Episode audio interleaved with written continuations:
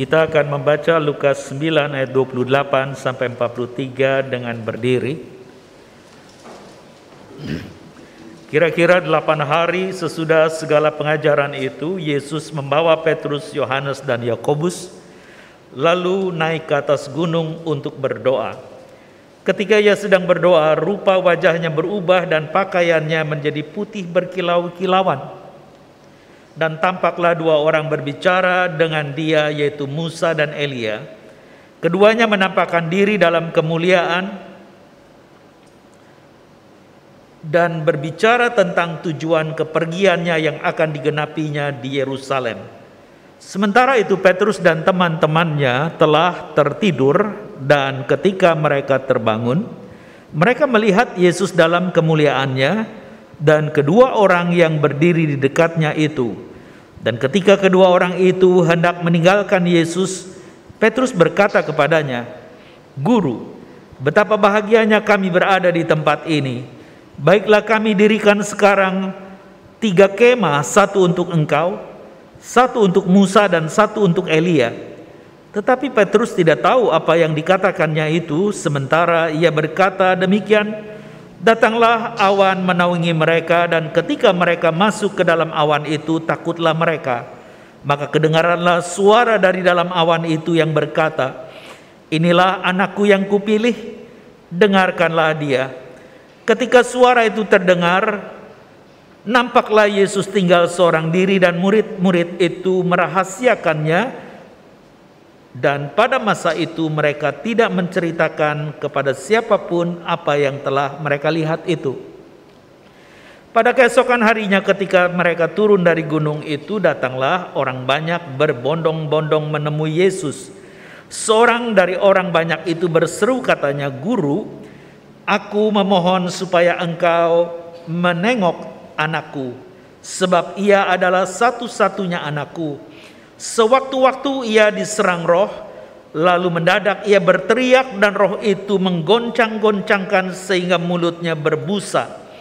Roh itu terus saja menyiksa dia dan hampir-hampir tidak mau meninggalkannya. Dan aku telah meminta kepada murid-muridmu supaya mereka mengusir roh itu, tetapi mereka tidak dapat. Maka kata Yesus, hai kamu angkatan yang tidak percaya dan yang sesat, Berapa lama lagi aku harus tinggal di antara kamu dan sabar terhadap kamu? Bawa anak itu kemari. Dan ketika anak itu mendekati Yesus, setan itu membantingkannya ke tanah dan menggoncang-goncangnya. Tetapi Yesus menegur roh jahat itu dengan keras dan menyembuhkan anak itu lalu mengembalikannya kepada ayahnya. Maka takjublah semua orang itu karena kebesaran Allah. Demikianlah Injil Tuhan kita Yesus Kristus. Berbahagialah mereka yang mendengarkan firman Allah dan yang memeliharanya. Haleluya.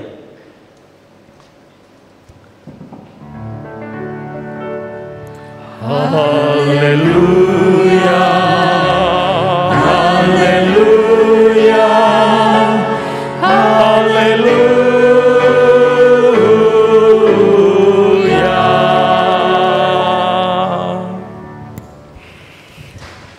Salam sejahtera untuk Bapak Ibu yang dikasih Tuhan beribadah di Minggu Transfigurasi baik yang ada di gereja khususnya yang di rumah.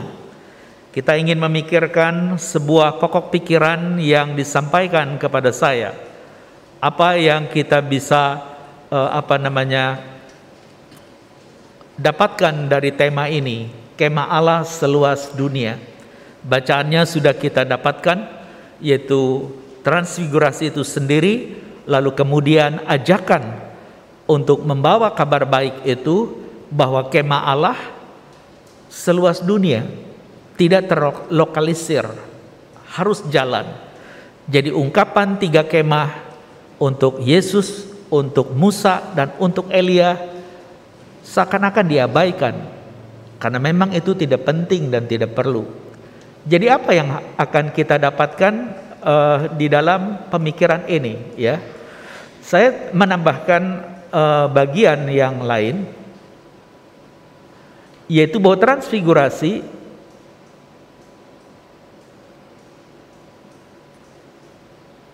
adalah momentum para utusan menyampaikan Injil tanpa batas dengan penuh kasih dan ketaatan.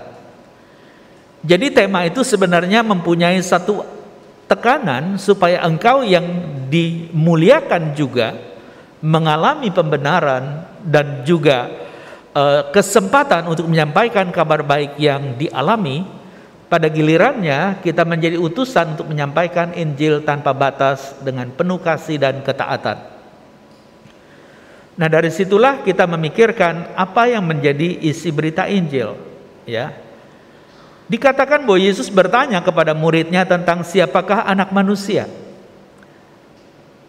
Lalu pasti mereka banyak menjawab, tetapi yang saya garis bawahi di sini ya, Melalui Petrus sebagai representatif ia menjawab, Engkau adalah Mesias, anak Allah yang hidup.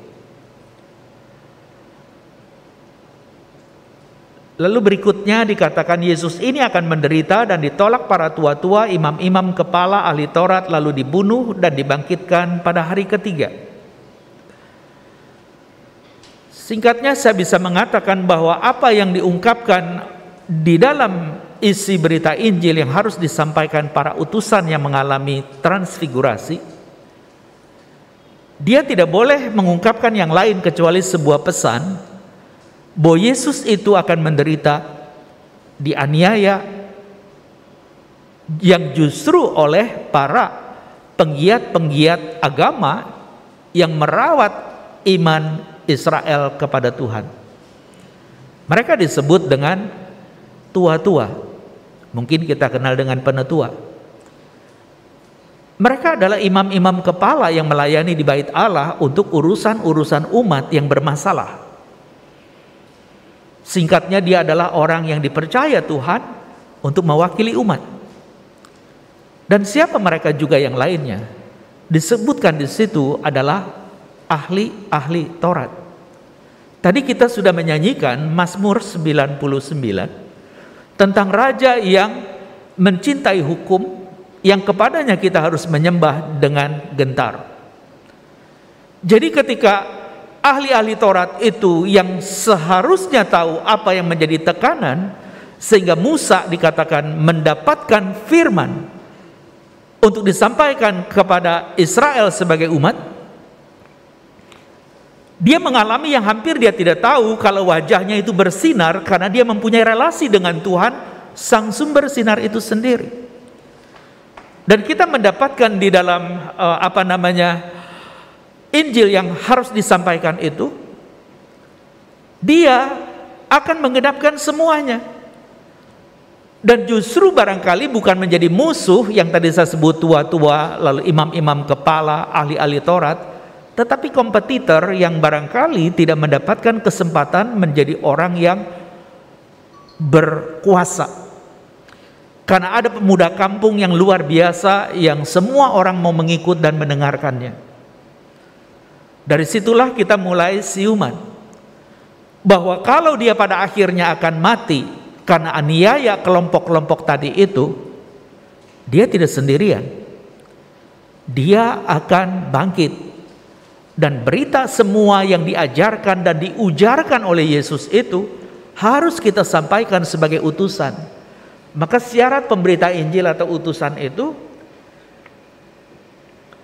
menyangkal dirinya, memikul salibnya setiap hari dan mengikuti Yesus dengan taat dan cinta tanpa syarat untuk memberitakan Injil tanpa malu. Karena ada bacaan yang mengingatkan di dalam cerita tentang siapa anak manusia yang menjadi inti berita kabar baik yang harus disampaikan sebagai gereja yang tidak terlokalisir di Yerusalem tapi sampai ke ujung-ujung bumi. Maka syaratnya sebagai utusan yang mengalami transfigurasi itu dia harus menyangkal dirinya. Artinya tidak lagi hidup sebagaimana yang uh, dia inginkan tetapi yang Tuhan inginkan. Oh menyangkal dong, iya. Jadi menyangkal itu bukan satu hal yang negatif, tetapi menjadi hal yang positif. Loh kan menyangkal mah negatif pak, iya. Tapi ada makna moral positif di situ. Yang sebenarnya berguna untuk kemaslahatan. Tadi saya ditanya, aku baru tahu Pak Simon tadi ke sini ngegoes ya Pak ya. Udah makan belum? Udahlah. Tapi apakah benar saya udah makan? Cuma saya yang tahu kan bukan siapa-siapa.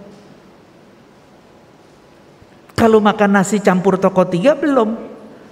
Tapi makanan saya untuk bisa kuat tetap gue sudah. Nah itu hanya satu bentuk penyangkalan diri yang intinya belum makan. Tapi saya berharap waktu saya ngomong ini bukan berarti ntar semua berbondong-bondong, wah kudu beliin sarapan, ntar dia mabok, gue pulang malah nggak sampai rumah gitu ya. Itu hanya contoh. Jadi menyangkal diri yang positif itu Anda tidak perlu gentar, tidak perlu pusing. Saya masih berdiri dan tenang saja menyampaikan kabar baik ini. Oh gitu ya? Iya. Jadi menyangkal mungkin itu negatif, tetapi bisa punya makna positif secara moral karena membangun semangat. Bahkan majelis jemaat yang mendampingi kita yang bawain Alkitab saya ini, saya udah ngobrol sama dia panjang lebar bahwa saya ngegoes, dia nggak anggap. Nggak dianggap karena dia bilang ngibul aja nih pendeta pagi-pagi. Sampai dia lihat helm saya, baru dia eling dan dia ulang-ulang. Saya tidak percaya bapak itu gue sepeda. Orang di sana juga yang namanya siapa tadi? Atek atau siapa yang pagi-pagi sekali? Hah? Atep. Atep ya. Dia bilang, Bapak nggak boleh masuk. Ya nggak masuk saya pulang lagi, kamu gantiin saya khotbah ya. Dia bingung juga gitu kan. Akhirnya dia tanya, jadi bapak dari Gading ke sini ngegoes, astaga, kenapa kamu astaga? Jauh banget, jangan bingung.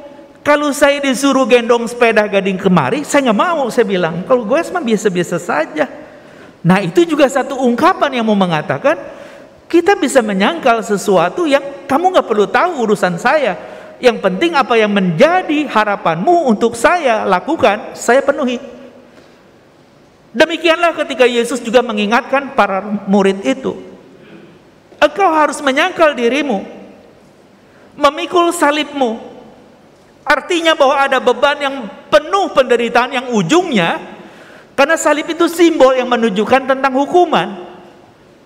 Jadi engkau dan saya hari ini adalah orang yang benar sekaligus orang yang berdosa, kata Martin Luther, itu. Apa yang dia mau katakan dengan bagian istilah orang berdosa pada waktu yang bersamaan orang benar? Karena engkau dan saya perlu membuktikan pembenaran Tuhan dalam dirimu kepada dunia. Dan itulah waktu di mana perutusan itu ya boleh diterima oleh dunia karena memenuhi syarat. Jadi siapa pun yang melayani di sini mereka adalah orang yang tahu ujung jalan pelayanannya adalah kematian. Memang salah saya, iya, tapi kan Tuhan sudah mengampuni, iya. Lalu kenapa saya harus berujung mati? Karena upah dosa itu maut. Tapi karunia Allah itu hidup yang kekal. Jadi kita mengalami maut untuk hidup selamanya. Ada banyak ilustrasi tetapi saya tidak bawa karena nanti akan kepanjangan. Jadi ketika Anda dan saya hari ini bukan hanya memikul salib tapi mengikuti Yesus dengan taat dan cinta, berarti kita perlu tahu apa yang Yesus sedang ujarkan secara lisan dan ajarkan menjadi patokan untuk hidup kita selanjutnya.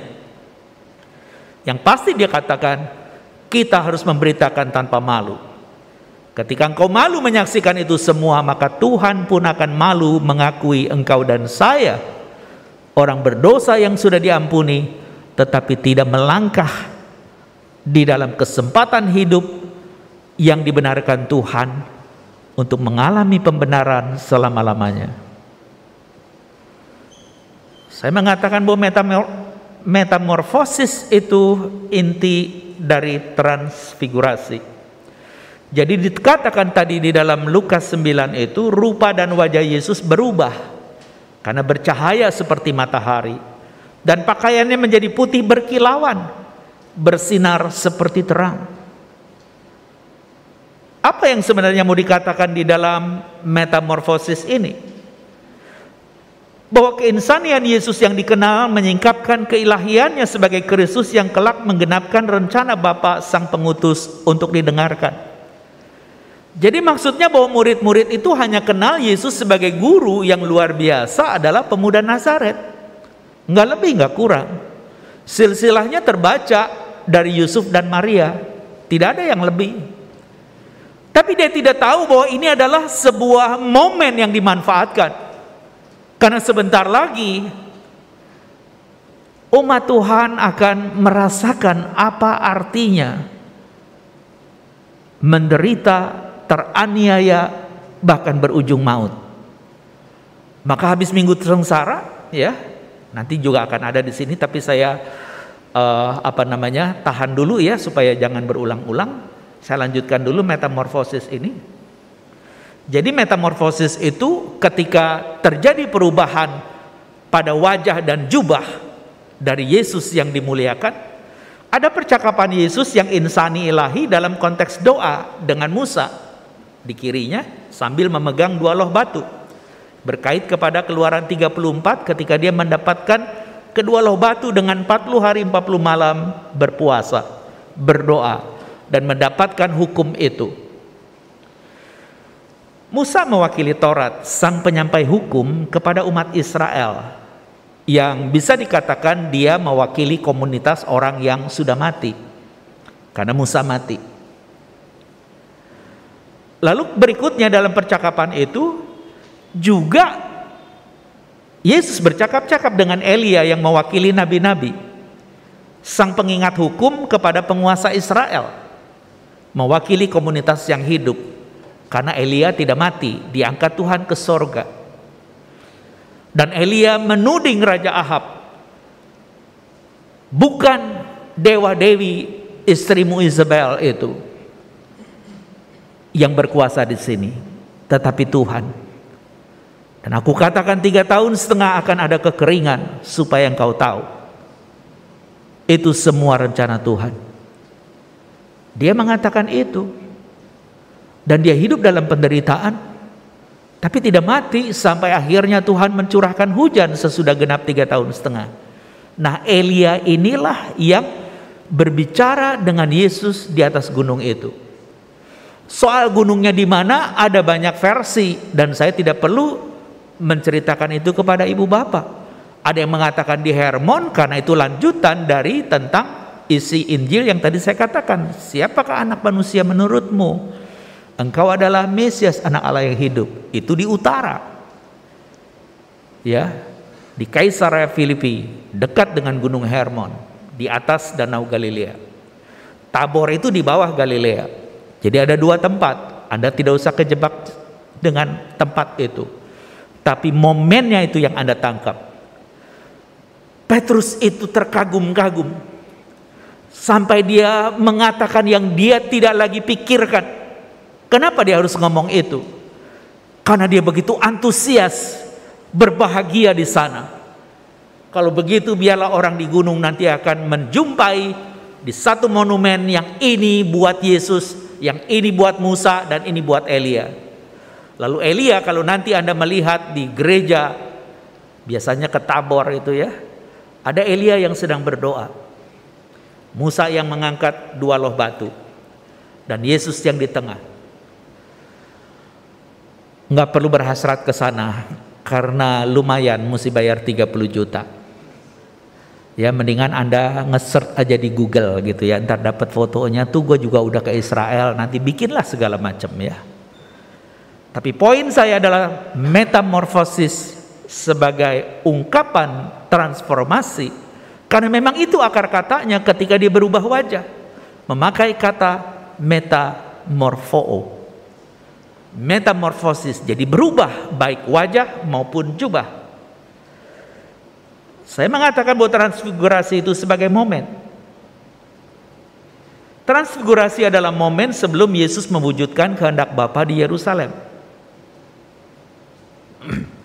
Dalam kalender gerejawi setelah minggu transfigurasi, umat diajak untuk memasuki hidup dalam doa dan puasa selama 40 hari. Rabu Agbu hingga Minggu Palmarum ya atau Minggu Sengsara itu persis 40 hari.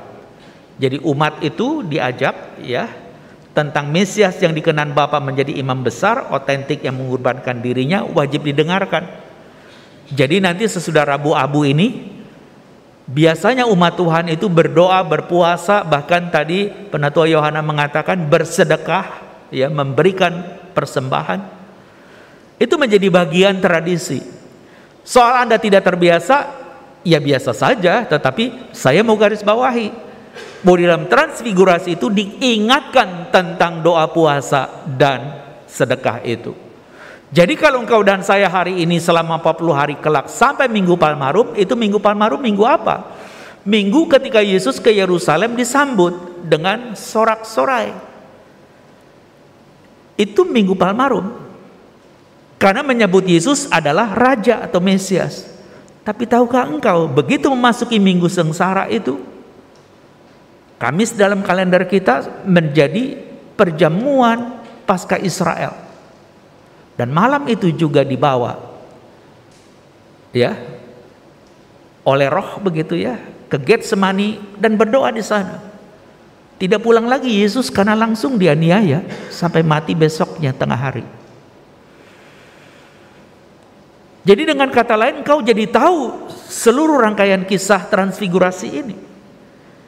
Kalau memang dia harus kita dengarkan, maka saya menggarisbawahi juga transfigurasi sebagai momentum yaitu pengalaman Petrus dan kawan-kawan yang penuh bahagia ingin diwujudkan dalam mon monumen pengingat. Inilah anak yang kukasihi, kepadanya lah aku berkenan, dengarkanlah dia. Bagian ini menjadi bagian yang menjadi teks daripada Matius, ya versi Matius 17:5. Menjadi pengulangan dari 3:17 ketika Yesus itu keluar dari air katanya dalam proses pembaptisan. Hanya ada tambahan frasa dengarkan dia dalam versi Matius. Sementara di dalam versinya Lukas dikatakan inilah anakku yang kupilih dengarkanlah dia. Saya hanya mau menggarisbawahi begini Ibu Bapak. Ketika dikatakan inilah anakku yang kukasihi kepadanya aku berkenan. Itu momen pertama saat dia dibaptis. Anda tahu baptisan itu apa? baptisan itu adalah tanda pertobatan. Jadi Yesus berdosa ya? Enggak. Kenapa dia melakukan itu? Karena cintanya dia mewakili Anda dan saya orang berdosa. Supaya bukan kau dan saya yang menggenapkan segala tuntutan dosa maut, dia. Lalu kemudian ketika ditransfigurasi itu, ada tambahan sesudah pengulangan baptisan. Jadi dengan kata lain murid itu diingatkan lagi bahwa hidup dalam pertobatan itu melulu bukan soal baptisannya, tapi pemahaman bahwa Allah yang kau sembah itu adalah Allah yang kudus, Tuhan semesta alam. Engkau harus hidup dalam kekudusan, tidak bisa berkompromi di situ. Kalau tidak tidak mungkin. Maka tadi saya pikir Susi itu kenapa ya mainin itu uh, hijab ya. Oh nggak taunya memang dari dulu dia nggak berubah orangnya itu memang sangat mimik gitu ya. Gesturnya dimainin tutup dia tutup lalu buka gitu kan ya. Saya pikir dia mau baca lagi oh nggak taunya demikianlah firman Allah. Kira-kira kalau ngebaca pakai kerudung itu berat juga ya. Anda bisa membayangkan bagaimana Musa pada waktu itu sedemikian. Ketika orang Israel melihat wajah Musa itu berkilauan, Takut mereka sehingga harus diselubungi. Dengan kata lain sabda Tuhan ya yang disebutkan lagi dengan ide pertobatan tentang Allah yang kudus diulang untuk mendengarkan dia. Anda dan saya diingatkan di dalam apa yang bacaan pertama itu dia tetap terselubung. Dengan kata lain semua janji Tuhan sebagai raja Allah yang setia dalam perjanjian Seakan-akan itu membingungkan. Tidak menjadi kenyataan. Itu sebabnya di dalam bacaan kedua 2 Korintus 3 sampai 4 itu dikatakan bahwa memang Orang Israel kalau membaca kitab Taurat itu tidak akan pernah faham karena ada selubung yang menutupinya. Hanya Kristus yang sudah menyingkapkan sehingga lewat dialah segala perjanjian itu utuh dan penuh. Bukan hanya untuk difahami tapi dihidupi. Itu sebab Paulus mengatakan, akulah pelayan perjanjian baru. Yang kalau untuk yang perjanjian lama saja dilengkapi dengan kemuliaan yang dahsyat. Apalagi dalam perjanjian yang baru yang tadi di dalam berita anugerah. Nggak usah ada orang ajarin kita lagi. Karena roh yang tinggal di dalam batin itu mengingatkan kita. Itu sebab di dalam bagian 2 Korintus tadi. Bahwa mana ada roh itu, di situ ada kemerdekaan. Kemerdekaan ngapain? Kemerdekaan untuk menyembah dan memuliakan Allah Sang Raja yang kudus. Jemaat yang dicintai Tuhan, ketika kita mengerti bahwa transfigurasi sebagai momen itu mengingatkan tentang apa yang dia kerjakan sebagai wujud cinta melalui baptisan dan transfigurasi, dia mengatakan bahwa saya mau melakukan itu demi kamu. Ajaran yang dahsyat ini diujarkan kembali supaya kita melakukannya. Maka kemah Allah seluas dunia itu tidak pernah diartikan sebagai monumen, tetapi menjadi momentum bagi orang percaya mengalami metamorfosis untuk menjadi utusan bagi kemaslahatan sesama. Maka sesudah kita membaca transfigurasi tadi, Ibu Bapak, kita membaca lanjutan satu perikop lagi tentang kesembuhan yang dilakukan Yesus kepada anak sulung yang dirasuk roh. Menegaskan bahwa orang percaya adalah bangsa terpilih, imamat yang rajani, umat yang kudus, bangsa yang kudus, umat kepunyaan Allah sendiri. Jadi bahwa anak sulung itu yang diganggu oleh roh bisa mati dia karena si bapak itu takut si roh itu tidak mau keluar. Sudah minta tolong murid-muridmu katanya tetapi tidak bisa. Tolonglah saya. Sampai Yesus harus mengatakan lagi, "Hai bangsa yang kurang iman ini." Dia mau menggarisbawahi bagian janganlah menjadikan satu tempat seakan-akan penuh kekuatan untuk mengacaukan atau lebih tepatnya mengusir kuasa-kuasa gelap itu. Maka dia mencontohkan ketika dia menengking roh jahat itu dan keluar, maka murid-murid siuman. Kalau begitu, meski nanti tidak ada lagi kemah Allah karena sudah seluas dunia, maka bukan bangunannya yang dipentingkan, tetapi orangnya.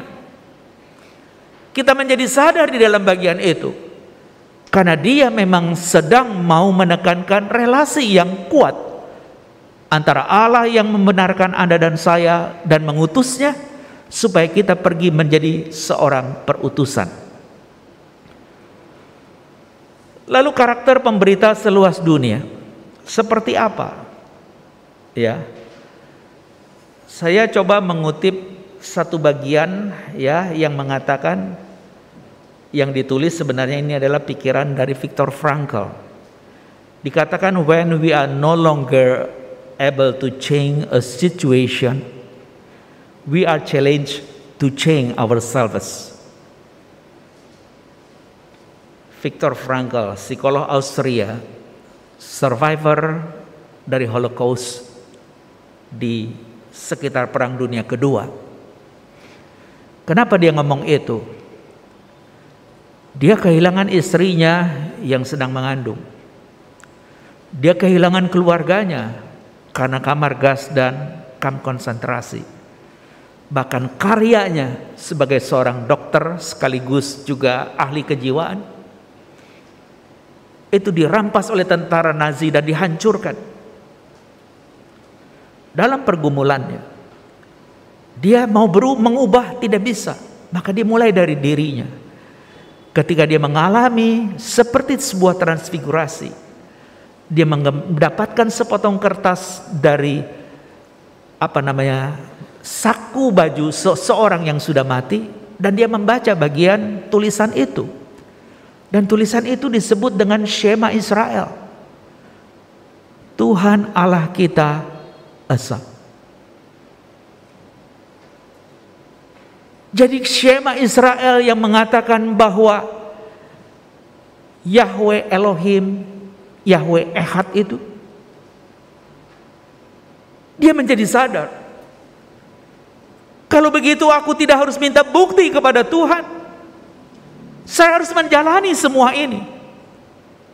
Dan saya harus hidup seperti yang dia masih mau saya hidup. Lalu ketika dia mencari makna di dalam kehidupan seorang manusia dalam dirinya, dia menulis lagi satu buku yang mungkin menjadi manual yang hari ini mungkin teman-teman di psikologi ya ada Pak William, ada Pak Evans yang dulu remaja rajin sekali. Pasti dia juga tahu kalau bunyi sebutan logoterapi menjadi sistem yang dilakukan oleh survivor ini. Kenapa logoterapi? Karena ada logos di situ yang kembali memulihkan dia. Dan logos itu menjadi isi berita yang harus kita sampaikan di transfigurasi ini bahwa dia tidak sekedar firman menjadi daging, tapi dia mati. Jadi kalau begitu Anda dan saya harus mempunyai karakter sebagai pemberita seluas dunia seperti Frankel. Kalau engkau tidak bisa lagi mengubah situasi, dirimu tantang untuk berubah. Supaya akhirnya orang yang engkau layani kelak berubah seperti yang Tuhan mau. Yang kedua, ada seorang psikolog lain, ya, namanya Nathaniel Brandon. Dia mengatakan bahwa the first step toward change is awareness. The second step is acceptance. Dia hanya mau mengatakan kalau memang kau harus berubah, fahami seperti murid itu dalam konteks doa ada hal yang luar biasa sehingga dia bahagia. Itulah yang disebut dengan awareness, kesadaran, siuman dengan lingkungan apa yang mereka perlukan. Dan sesudah Anda sampai kepada kesadaran itu dan tahu apa yang harus Anda kerjakan, apa pun langkah yang kedua akhirnya, engkau harus menerima. Nerima apa dengan pemahaman transfigurasi ini? Bokema Allah seluas dunia. Engkau harus menjadi utusan maka bacaan itu menjadi nambah. Bagaimana Yesus mencontohkan untuk menyelamatkan satu umat karena dia juga sama adalah bangsa yang kudus, imamat yang rajani, umat kepunyaan Allah supaya mereka yang dibawa keluar dari gelap kepada terang yang ajaib memberitakan semua karya Tuhan itu. Dari situlah saya bisa mengatakan pemberita Injil sebagai utusan Kristus. Untuk memahami apa yang kita dengar, kita perlu melihat apa yang berubah. Itulah transfigurasi. Dan untuk mempercayai apa yang kita dengar, kita perlu taat dan penuh cinta melanjutkan kehidupan kita yang telah diubahkan Tuhan dengan memanggil kita keluar dari kegelapan kepada terangnya yang ajaib. Jadi kalau engkau boleh mempunyai karakter seperti Frankel, ya, seperti Brandon, dia mengingatkan itu semua. Kalau memang tidak dapat lagi engkau mengubah situasi di sekitarmu, rubahlah dirimu supaya engkau bisa fleksibel menjadi alat berkat. Caranya bagaimana? Sadar lingkunganmu perlu, perlu apa. Dan sesudah itu terima apa yang menjadi konsekuensi ketika Nita tadi mengingatkan saya lagi. Jadi nggak apa-apa ya kok, soalnya saya nggak siapin makanan. Iyalah, namanya juga GKI Perniagaan yang siapin makanan kan toko mie, toko tiga. Kalau salib tiga emang nggak ada makanan. Saya udah tahu, maka saya bawa sendiri. Kok jadi ke situ lagi ngingetin ya pendeta? Bukan. Jadi kalau hari ini engkau dan saya boleh menerima konsekuensinya, Ya sukacita aja. Saya bisa makan konter kulineran banyak itu. Mau ke mana juga ada, saya udah tahu jalan sini. Dan mereka juga familiar dan bersahabat kalau saya ngagoes. Udah biasa. Yang nggak biasa teman-teman di sini. Bapak nggak boleh masuk sepeda, mesti di luar. Ya hilang dong. Pokoknya nggak boleh pak. Siapa yang bilang nggak boleh? Disebutin lagi namanya, cuma saya nggak boleh nyebut, ntar jadi konyol gitu ya. Saya tahu, saya langsung bilang gini. Itu temanku untuk ngopi, dia selalu undang saya. Masa sepeda saya nggak boleh masuk? Kalau nggak masuk saya nggak jadi khotbah nih. Ya gurawan-gurawan tadi jam 6 uh, jam tujuan itu menjadi gurawan yang menguatkan saya. Bukan soal orang bilang hebat banget ya majelis bukan. Tapi saya tahu bahwa peraturan yang saudara buat itu dipraktekkan oleh semua yang menjadi umat di sini. Saya boleh bilang dengan dua jempol keren. Karena banyak orang kompromi tapi begitu semua harus dijalankan teratur, kita bisa melakukannya. Kenapa? Karena Tuhan semesta alam adalah Raja yang kudus, yang mencintai hukum. Jadi kalau engkau dan saya sudah memahami bahwa kita akan menjadi utusan dari kemah Allah yang seluas dunia, bukan lagi orientasi kepada Yerusalem atau Gerizim, kata Yohanes 4 Yesus bercakap-cakap dengan perempuan Samaria. Sehingga istilah Yesus juru selamat dunia untuk pertama kali keluar frasa itu di sana. Engkau dan saya menjadi sadar bahwa kita harus menyembah di dalam roh dan kebenaran. Jadi pemaknaan luasnya gereja Tuhan itu tidak lagi kekuatan karena sebuah situs. Bukan. Jadi soal apa? Itu sebuah stimulus roh yang ada di dalam batinmu. Mengingatkan kembali, mau tidak engkau berubah? Kalau Frankel menggunakan logoterapi, saya tidak tahu engkau akan menggunakan terapi apa. Tetapi kalau hari ini kita mau ikut juga seperti Frankel dan menjadi survivor, Anda dan saya hari ini bisa menjadi utusan yang penuh karakter. Karena kita tahu dalam transfigurasi bukan soal tercengang melihat perubahan wajah dan jubah, tapi ada makna di situ. Pengalihan insani ke yang ilahi dari sosok Yesus juru selamat kita. Maka kalimat yang dimulai lewat pembaptisan, inilah anakku yang kukasihi yang kepadanya aku berkenan. Dimuliakan bahwa dia adalah ilahi, dengarkan dia. Maka Lukas sekali lagi mengatakan, inilah anakku yang kupilih. Dengarkan dia. Sudikah engkau menjadi anak Tuhan yang dipilih supaya orang yang kepadanya engkau diutus mau mendengarkan apa yang kau katakan? Kalau engkau mau melakukan itu, sesungguhnya engkau orang yang berbahagia.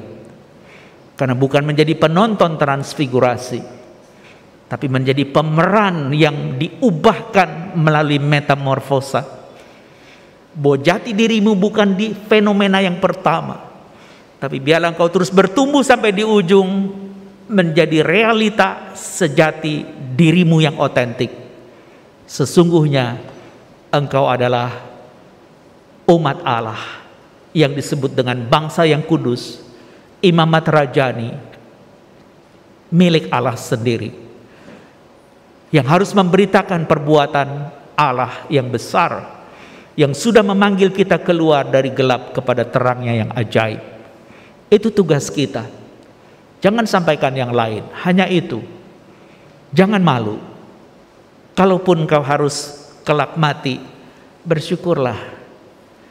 Sahabat saya penatua Jenny, saya bilang, tampilanmu keren hari ini. Dia menghibur saya untuk menyambutmu pendeta saya kenal dia dari sebelum dia menikah.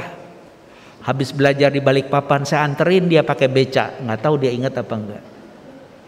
Dia nggak ingat juga nggak apa-apa, tapi memori saya belum rusak, saya masih ingat.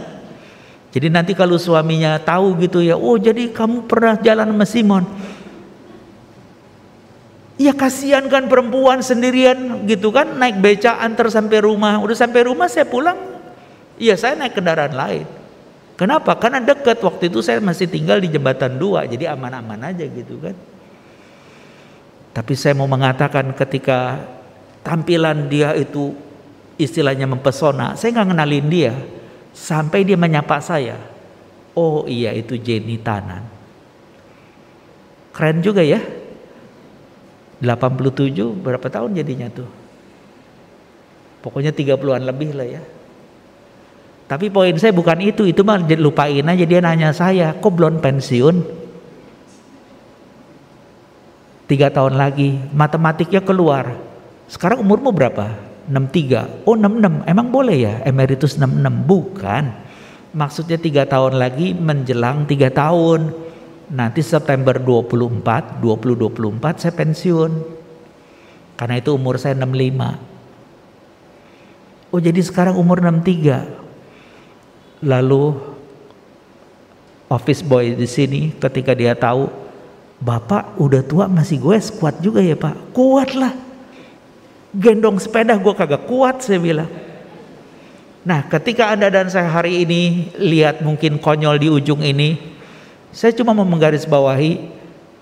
Belajarlah untuk awareness. Kata Brandon itu. Dan sesudah itu acceptance. Accept apa yang menjadi bagian yang juga orang lain expect, expect, accept dan expect, menerima dan diharapkan orang. Buatlah itu menjadi sebuah sukacita yang ajaib. Dan saya juga bangga dengan salib tiga. Saya pernah bercanda sama salah satu penetua.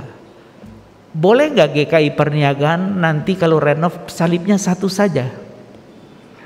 Boleh nggak? Halo? Orang akan bilang itu provokator dari dulu nggak pernah bertobat ya. Terus dia bilang begini, udahlah jangan bikin kerusuhan. Pokoknya kau udah tiga tiga lah. Tapi kan nggak semua orang ngerti kenapa salibnya tiga. Betul ya, talib ya. Nggak ngerti kan ya? Tapi you ngerti kan?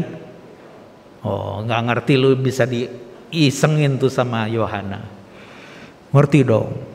Jadi ada salib yang dekat, salib gede dan ada yang kecil. Eh, eh, yang kecil. Ada dua salib, yang satu ya gede lebih dekat, yang kecil, yang satu lebih jauh. Ngerti kan maksudnya? Halo? Halo? Nggak ngerti? Kalau nggak ngerti ikut katekisasi lagi. Maksudnya ada satu itu yang bertobat sebagai bandit, yang satu dekat karena bertobat dia mau dengar. Jadi saya berharap saya menutup ini dengan menggarisbawahi, mempercayai apa yang kita dengar. Kita perlu taat dan penuh cinta melanjutkan kehidupan yang telah diubahkan Tuhan. Tidak perlu bukti, nanti dunia yang membuktikan. Dengan cara itulah engkau akan bersuka cita. Semoga saya masih bisa melayanimu dan menggoes sampai September 24. Kalau Anda bilang, oh nanti Bapak goes lagi, ya goes lah. Atau saya jemput aja pakai mobil, enggak perlulah. Kenapa? Ngelatih otot. Karena naik BMX itu lebih enak daripada BMW, murah. Bisa mampir, nggak ada yang ganggu dan biarlah Tuhan menolongmu pada hari yang berbahagia ini. Karena dia mau engkau dan saya memahami transfigurasi. Bahannya udah habis jadi saya nggak usah klik-klik lagi ya. Mari kita masuk dalam saat hening.